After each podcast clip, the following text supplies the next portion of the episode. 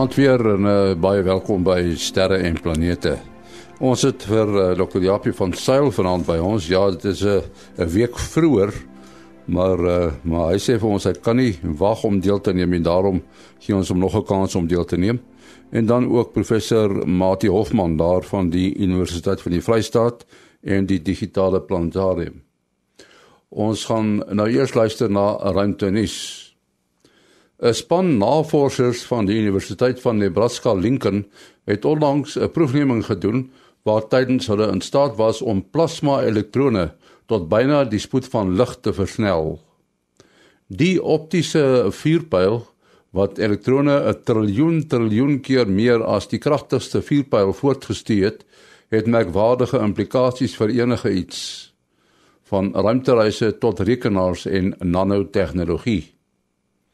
As 'n mens oor die toekoms van ruimte-eksplorasie en wetenskaplike navorsing wil praat, is dit duidelik dat lig 'n belangrike rol gaan speel. Ruimteagentskappe ondersoek enerzijds sogenaamde optiese kommunikasie deur lasers te gebruik om die al groter wordende hoeveelheid data te hanteer wat aarde toe gestuur word uit die ruimte.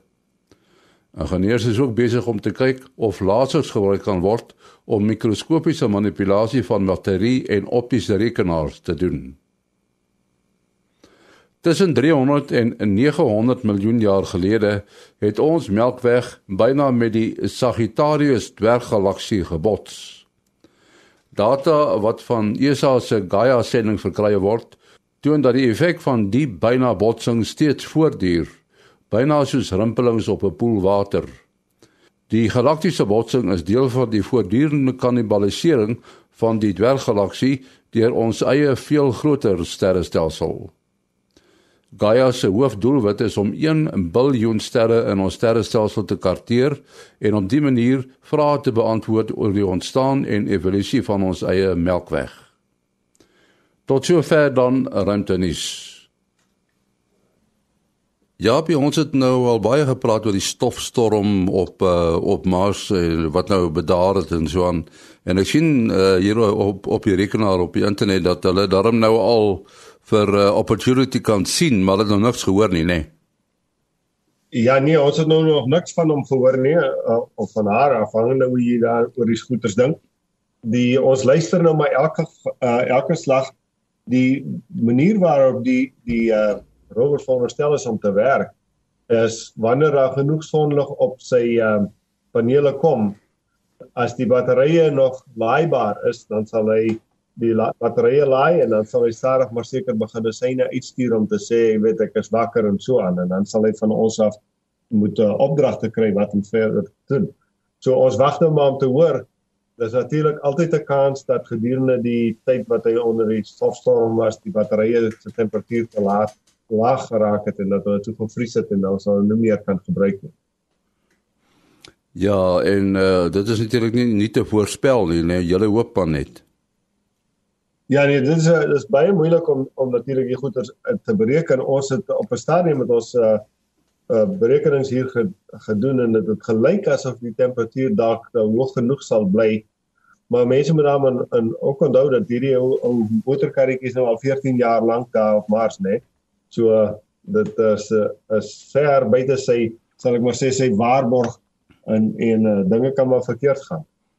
So hy hoef nie meer lisensie te betaal nie. ja, hy's nou 'n veteraan motorpie.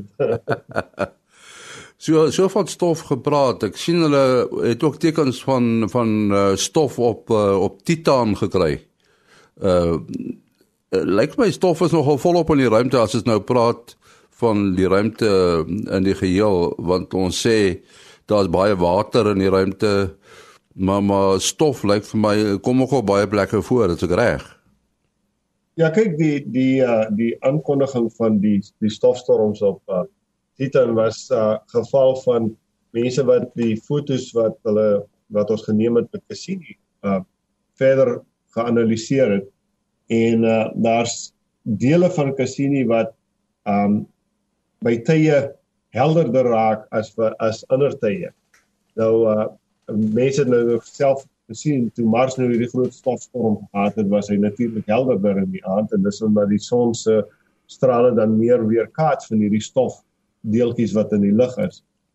En uh, dis dieselfde situasie wat op uh, Titan gebeur. En ehm um, dit beteken natuurlik dat daar winde is en dat daar los partikels op die oppervlakte is wat dan opgewaai kan word. Presies wat hierdie die deeltjies die stofdeeltjies sal ek maar sê Titan is weet ons natuurlik nie. Uh dit is 'n uh, ons vermoed dis 'n mengsel van ys en van uh, van stof. So uh dis 'n interessante ding, jy's reg. Uh, as oralster waar ons kyk is daar natuurlik um uh groot wolke en daar's uh erg winde, so dit is nie dit sal nie 'n verbasende ding wees dat er so nou en dan stofstorms gebeur nie. Hmm. Uh Japie, as 'n mens nou van stof praat en ek dink nou aan die stofstorms wat ons hier in die Vrystaat sien, hoe sal uh die stof vergelyk met die stof op Mars in terme van sê nou maar die grootte van die deeltjies en die en die samestelling weet 'n uh, uh mens dink so amper dit moet soortgelyk wees want uh ons stof, stofstorms lyk omtrent soos die oppervlak van Mars weet so rooierig. Ja ja dit kyk die die die samestelling is baie dieselfde.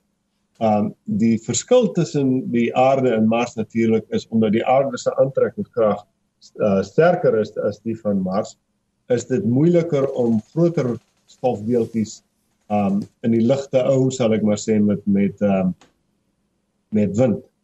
Op Mars is dit 'n bietjie makliker om groter deeltjies op te waai en vir hulle om in die atmosfeer dan te sirkuleer uh as gevolg van die feit dat die aantrekkingskrag is minder. So dis maar omtrent die enigste verskil is dat die grootte as jy nou 'n uh, 'n um, samestelling kyk na die die stofdeeltjies se grootte, dan sal jy nou bietjie meer groter deeltjies in Mars in die atmosfeer sien as wat jy by aarde sien vir het, vir dieselfde uh, sterkte winde. Ja, ek sê dan net aan dink as ons maan 'n atmosfeer gehad het, dan sou dit daar ongelooflik skouspelagtig gewees het om hier van die aarde af sommer met die blote oog na die stofstorms op die maan te kon kyk, maar nou uh is dit nou ons ongelukkig nie besk beskore nie. Ja, ongelukkig nie. Daar's nou nie 'n atmosfeer daar wat die wind goed kan veroorsaak nie. Ja. Ja, so van atmosfeer gepraat. Wat veroorsaak dat daar atmosfeer is of nie is nie? Ehm um, daar's 'n verskillende uh same uh, verskillende teorieë om waarom die ehm um, plekke atmosfere het een van die groot vereistes natuurlik vir 'n atmosfeer is dat die ehm um, die liggaam waarom die atmosfeer plaasvind sterk genoeg aantrekkingskrag moet hê om dit te kan behou. En uh die oorsprong van die ehm um, sogenaamde volatiles wat hulle in Engels van praat, kom van verskillende uh goed af. Dit kom van uh as jy komete goeters die aarde tref byvoorbeeld dan laat dit gasse vry maar daar's ook sogenaamde outgassing, die gas wat vrygestel word van die aarde self. Natuurlik so goed soos vulkaniese uitbarstings en so voort en natuurlik verdamping en daai soort van goeders uit die water uit en so voort. So maar om dan die deeltjies te hou sodat hulle nie net weggaan nie, uh is natuurlik die triek en dit is uh, daarvoor het mens magneetvelde en 'n sterk genoeg aantrekkingskrag nodig. Ja, mense sou seker kon dink ook as 'n uh planeet in sy geskiedenis om een of ander rede, ons sê nou maar hy het 'n uh, atmosfeer gehad, hy voldoen al die vereistes, maar een of ander baanverandering weens 'n uh, interaksie met 'n ander planeet of 'n botsing neem hom nader aan sy ster, uh, dan sou daardie uh, ster uh, die atmosfeer moontlik kon wegblaas. Ja, dis natuurlik dis waar waar, waar die magneetveld natuurlik in inkom. Uh ons weet vandag dat die son uh iets het in Mars gebeur en Mars het verander en as gevolg daarvan blaas die son nou stadig maar seker um uh, Mars se atmosfeer weg. Um en natuurlik die die liggame wat geklein is soos die maan en so en hulle het nie genoeg aantrekkingskrag om die, om die goeders te behou nie en hulle het ook nie 'n magneetveld wat die, wat dit kan help nie maar jy's doodreg as jy dan skielik op 'n ander plek beland as gevolg van 'n botsing of iets van die aard dan die ekwilibrium wat jy voorheen gehad het mag dan nie meer bestaan nie en dan kan jy natuurlik ook die atmosfeer verloor. Ja, ons het ook al gepraat oor die, die verskynsel dat by uh sogenaamde eksoplanete wat gekry is dat hulle sonne so is dat van die sogenaamde groot gasplanete nader aan die son is as noem dit nou maar die rotsplanete net mooi andersom as uh, van ons eie sonnestelsel. En mense wonder hoekom sou dit wees want mense sou dink dat dieselfde sonwind uh, sou ook dan die gas wegblaas van so 'n uh, gasplaneet naby sy ster. Ja, dit is waar natuurlik tensy die ster die die gasplaneet dat dat uh, genoeg aantrekkingskrag het, genoeg massa het sodat hy 'n groot aantrekkingskrag het en 'n sterk magneetveld. En dan kan hy selfs naby aan die aan 'n aan sy ster uh die die um, die gas behou. Daar is byvoorbeeld uh van hierdie wat uh, ontdek is van die eksoplanete, daar's Jupiter se groot planete wat elke 4 dae rondom hulle ster gaan. So hulle is baie baie naby aan en tog behou hulle hulle hulle atmosfeer. So hulle moet 'n baie sterk aantrekkingskrag en 'n baie sterk magneetveld hê. Hmm, hmm. Ja, en eh, nie mens moet natuurlik in gedagte hou dat terwyl dit nou vir ons lyk of daar in die ander sonnestelsels wat nou al ontdek is, ehm uh, baie meer groot gasreuse naby aan die aan die sterre is as in in ons geval waar die gasplanete ver is. Uh, dit mag dalk meer 'n geval wees dat die uh, ontdekkingstegniek uh die dit baie makliker maak om daardie soort planete te ontdek en dat uh daar baie stelsels is wat nog nie ontdek is nie wat meer soortgelyk aan ons eie sonnestelsel is. Uh, ek weet nie wat uh NASA se nuutste insig in die verband is nie Japie, uh maar die tyd sal seker moet leer soos wat ons nou meer uh weet met die groot ruimte uh, teleskope wat kom en meer direkte metodes dalk meer stelsels soos ons eie sal kan ontdek of is daar al uh goeie uh, statistieke beskikbaar om te kan sê hoe tipies ons sonnestelsel is al dan nie? Nee nee maar jy is doodreg. Die die oorspronklike tegnieke wat ons gebruik die die een wat sal ek maar sê soos hulle in Engels sê die workhorse tegniek wat die manne gebruik het voor ons Kepler gelanseer het is natuurlik die die ene wat kyk hoe 'n ster is uh vorentoe en agtertoe beweeg as gevolg van die feit dat 'n planeet om hom uh gaan. Uh sogenaamde radial velocity tegniek tegniek wat hulle gebruik. En die tegniek is meer meer sensitief vir groot planete. So aanvanklik het ons 'n groot klomp groot planete opgespoor en toe mense gedink dat maybe dat dat dat groot planete is baie meer algemeen as wat die kleiner is. Is maar van dit Kepler en 'n paar ander tegnieke soos wat hierdie radial velocity ook meer sensitief geraak het het ons nou al en meer en meer van die kleiner planete opgespoor. So dit begin nou lyk asof die kleiner planete ehm uh, dit is meer soos die die populasie sal ek maar sê verspreiding tussen van die grootes is meer as soos wat ons sonnestelsel is as wat ons voorheen gedink het. So ek dink jy's doodreg, dis dis maar ja. gevolg van soos wat ons meer sensitiewe tegnieke ontwikkel, sal ons meer en meer uh sonnestelsels soos ons eie opspoor. Ja, maar dit is dit is nog steeds baie moeilik met al twee daai tegnieke om planete groot of klein te ontdek wat baie ver van dis, van 'n ster roteer. Absoluut waar, ja. Die um, uh, direkte uh, uh beeldtegnieke wat nou baie moeilik is maar wat dalk uit die ruimte uit kan werk wat nou in infrarooi die planete sal kan uh, kan raak sien kan dalk daardie probleem oplos. Ja, en daar's natuurlik baie werk wat daar gedoen word. Ek weet uh, die uh, NASA se astrofisika ehm um, uh, afdeling gaan hulle sogenaamde decadal survey, hulle doen een keer 'n dekade so 'n uh, ehm um, vra hulle al die voorste voorste wetenskaplikes hier in Amerika om vir hulle raad te gee oor wat hulle moet doen in die volgende dekade en so.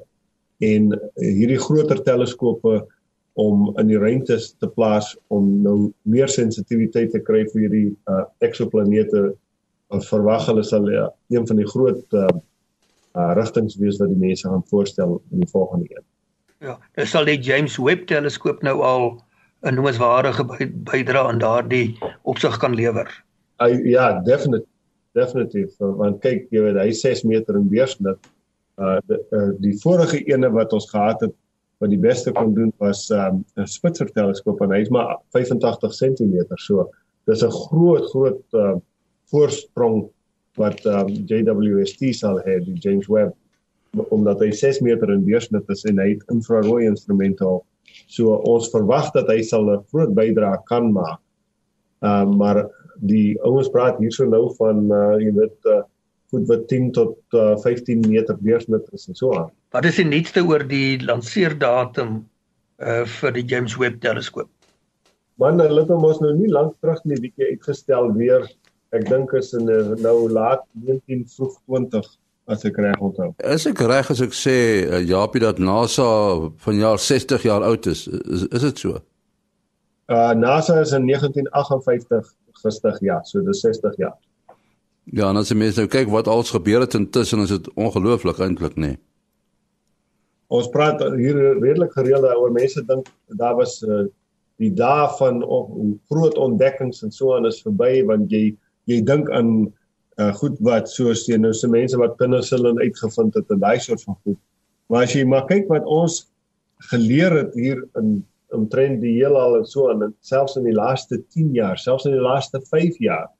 As jy kyk na ons eie sonstelsel wat ons geleer het met Cassini hier in sy laaste 5 jaar van operasie en so aan. Uh dis ongelooflik hoe ons beeld verander het van uh waar mense kan dalk lewe vind in ons sonstelsel en so voort.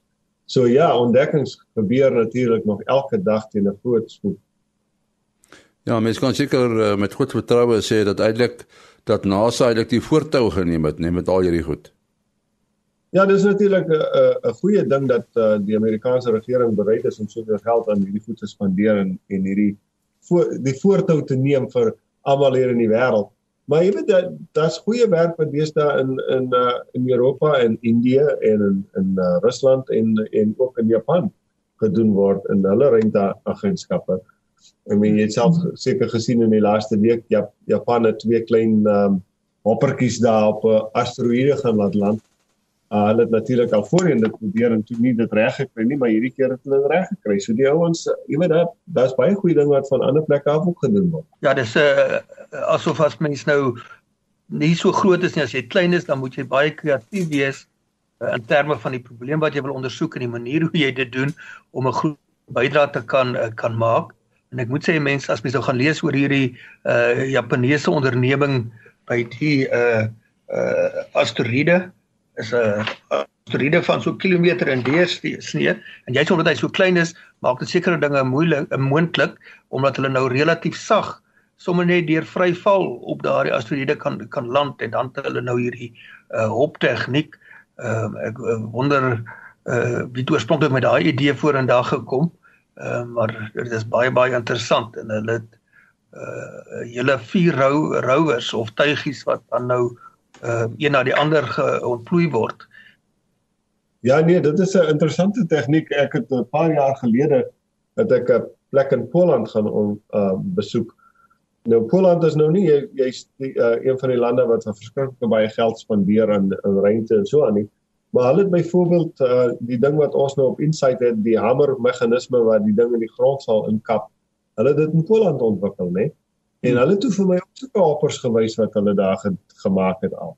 En uh dit, maar dis soos jy sê, vir my ek ek ek spot baie keer hier by JPL en sê ons probleem is ons het te veel geld in Amerika. Uh so die die geval is mense hoef nie so vindingryk te wees nie. Want jy weet jy kan maar 'n bietjie meer geld spandeer. Uh is hierdie ouens wat nie so baie geld het nie. Hulle kom met verskriklike interessante dinge vorendag. Ja, en ek ek het lanklaas van SETI gehoor daardie projek. Uh hoe vorder dit daar? Ek het op 'n kol gehoor daar's probleme. Ek weet nie wat is die jongste nuus daaroor, Japie? Uh man, hulle is maar redelik stil op die oomblik. Kyk, da, dis maar 'n probleem van om, jy weet, as as iets in die nuus gebeur wat klink asof daar dalk kan lewe op 'n ander plek wees dan dan is dit bietjie makliker vir hulle om bietjie geld te kry om die, om die projek aan die gang te hou maar oor die algemeen is dit maar bietjie moeilik. Jy weet alhoewel soos ek sê daar is baie geld in Amerika, die projekte kos 'n ongelooflike hoeveelheid geld ook.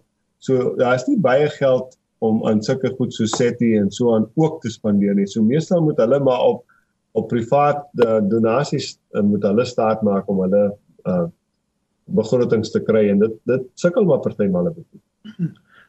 Ja, die uh en dit is vir my asof die uh meer indirekte metodes om 'n houvas te kry op die probleem van lewe elders uh, nou bietjie meer momentum opgebou het. Ek ben sover ek weet uh, die SETI uh, ou is meer gefokus om om syne te ontvang wat kyk of daar intelligente kodes in is. Ek is uh, terwyl daar nou met al hierdie eksoplanete ontdekkings wat hulle nou inligting kan begin kry oor die uh oor die uh atmosfere. Ehm um, en dan kan jy nou by wyse van die teenwoordigheid van sekere uh, gasse byvoorbeeld metaan of verhoudings tussen gasse uh kan 'n mens dan moontlik uh, ons is lyk my nog nie heeltemal daar nie maar afleidings begin maak en sê maar so atmosfeer kan net bestaan as daar een of ander vorm van uh van lewe is wat byvoorbeeld die metaan aan mekaar weer voorsien aan die atmosfeer. Ehm um, maar daar is dit is nie altyd so, so maklik nie maar daar was nou die die die die onlangse werk gewees op die die helderheid waar ek uh, van 'n bepaalde uh, ster wat op 'n baie ingewikkelde manier uh, verander het wat hulle gesê dit kan net te wyte wees as daar een of ander megastruktuur gebou is uh deur 'n intelligente uh samelewing wat die lig vanaf die ster probeer uh, afskerm het maar daardie uh, idee het nou weer bietjie meer in onguns verval maar dit wys maar net uh, dat daar dalk ander metodes kan wees as wat die wat SETI klassiek uh, gebruik het om te kan sê wel daar's nou aanduidings op een of ander ander manier dat daar 'n intelligente samelewing moet uh, moet wees of waarskynlik kan wees. Maar gewoonlik is dit die laaste moontlike verklaring vir waarnemers wat die meer konvensionele sterrekundiges uh, wil gebruik. Hulle hulle het 'n groot antenna uh, Arecibo, nee, uh, is dit uh, waar is dit Puerto Rico, nee. Uh, is ja. hy is hy nie beskadig deur daai storm nie? Ja, hy is beskadig en hulle is nou besig om hom te probeer regmaak en so aan. So dis ongelukkig van hulle dit nou nie eintlik gebruik nie. Maar hulle gebruik baie ander antennes ook, maar dit is soos Mati sê, nou kyk die die ehm um, dit is 'n interessante probleem as jy nou probeer kyk gestel ons was op 'n ander plek en ons nou na die aarde kyk nê. Uh Mati het nou genoem die uh indirekte maniere waarop mense kyk na die atmosfeer. So as ons na die aarde se atmosfeer kan kyk en ons sou nou kyk so vir goed soos metaangas en sogenaamde die sogenaamde biomarkers, die gasse wat aandui dat daar biologiese aktiwiteit is. Dit het nou al vir 'n baie lang tyd op die aarde gebeur. So um in 'n redelike groot area om die aarde kan jy daardie uh goed waarneem. Sê nou maar ons was uh 500 ligjare van die aarde af. Wel 500 jaar gelede was daar al biologiese aktiwiteit op die aarde en ons sou dan kon sien in die atmosfeer dat daar wel biologiese aktiwiteit plaasvind.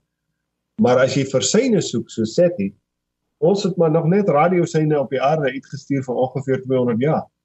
So as jy enigstens verder as 200 jaar van die aarde af is, dan sal jy nie kan weet selfs al het jy die toerusting om die aarde se syne te ontwikkel uh te op te neem en en te, uit te uit te werk dat uh, mense kan nou altyd argumenteer hoe intelligent ons televisieprogramme is en so aan maar jy kan sê nog stel nou maar ons kan nou nie goeders ontleed en sê wel daar is intelligente lewe op hierdie plek want ons het hulle syne ontvang.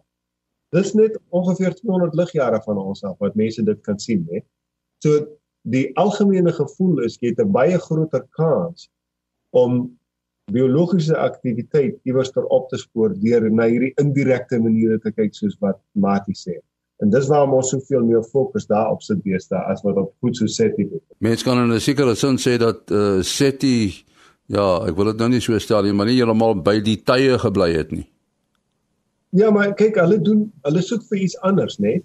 As 'n mens mooi daaroor dink wat SETI voorsoek is intelligente lewe. Iemand wat doelbewusyne uitstuur. En de, in met met ander woorde, dit is nie net biologiese aktiwiteit nie. Dis nie net dat daar lewe is nie. Daar is lewe wat syne kan opwek en syne uitstuur. So en dis 'n heeltemal ander ehm um, uh en 'n uh, uh, meer gevorderde vorm van lewe waarna jy as jy uh, die SETI ding doen. Ja, en dit kan ook so wees dat as hulle eendag dalk so syn sou raakloop dat die bron van daardie syn dan nogal uh, verdwyn het. Ja, dis natuurlik ook die geval. Afhangende van hoe ver die die planeet van ons af is, mag die planeet dalk nie meer bestaan. Nou in die uh, uh Japie in die wetenskap kry mens baie keer die situasie waar jy na iets soek, maar as jy dit op 'n baie mooi sistematiese manier doen, uh en jy kry nie waarna jy soek nie, daardie 'n uh, negatiewe resultaat, dan kan jy wel konstruktiewe afleidings uh daarvan maak.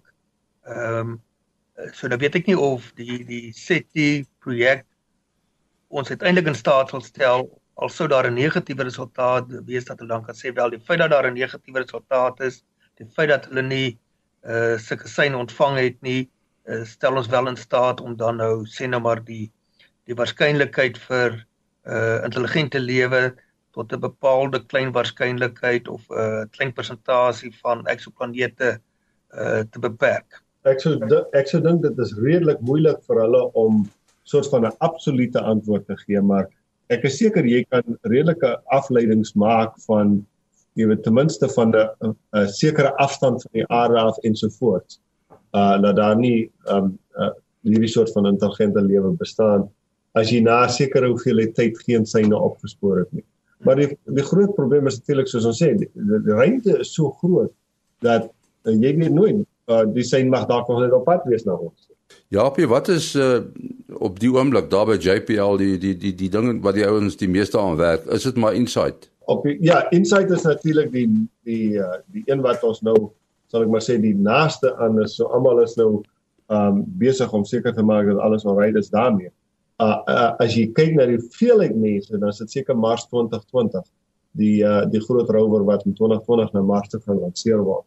Hulle die meeste mense op die oomblik wat aan hom werk want al hulle goederes begin nou by mekaar kom so hulle moet volgende jaar vroeg hier in die maart na mei tyd toe sal hulle die rover aan mekaar sit en dan die instrumente sal begin uh aangesit word en so aan en dan moet die hele ding getoets word natuurlik voor ons in 2020 kan lanseer.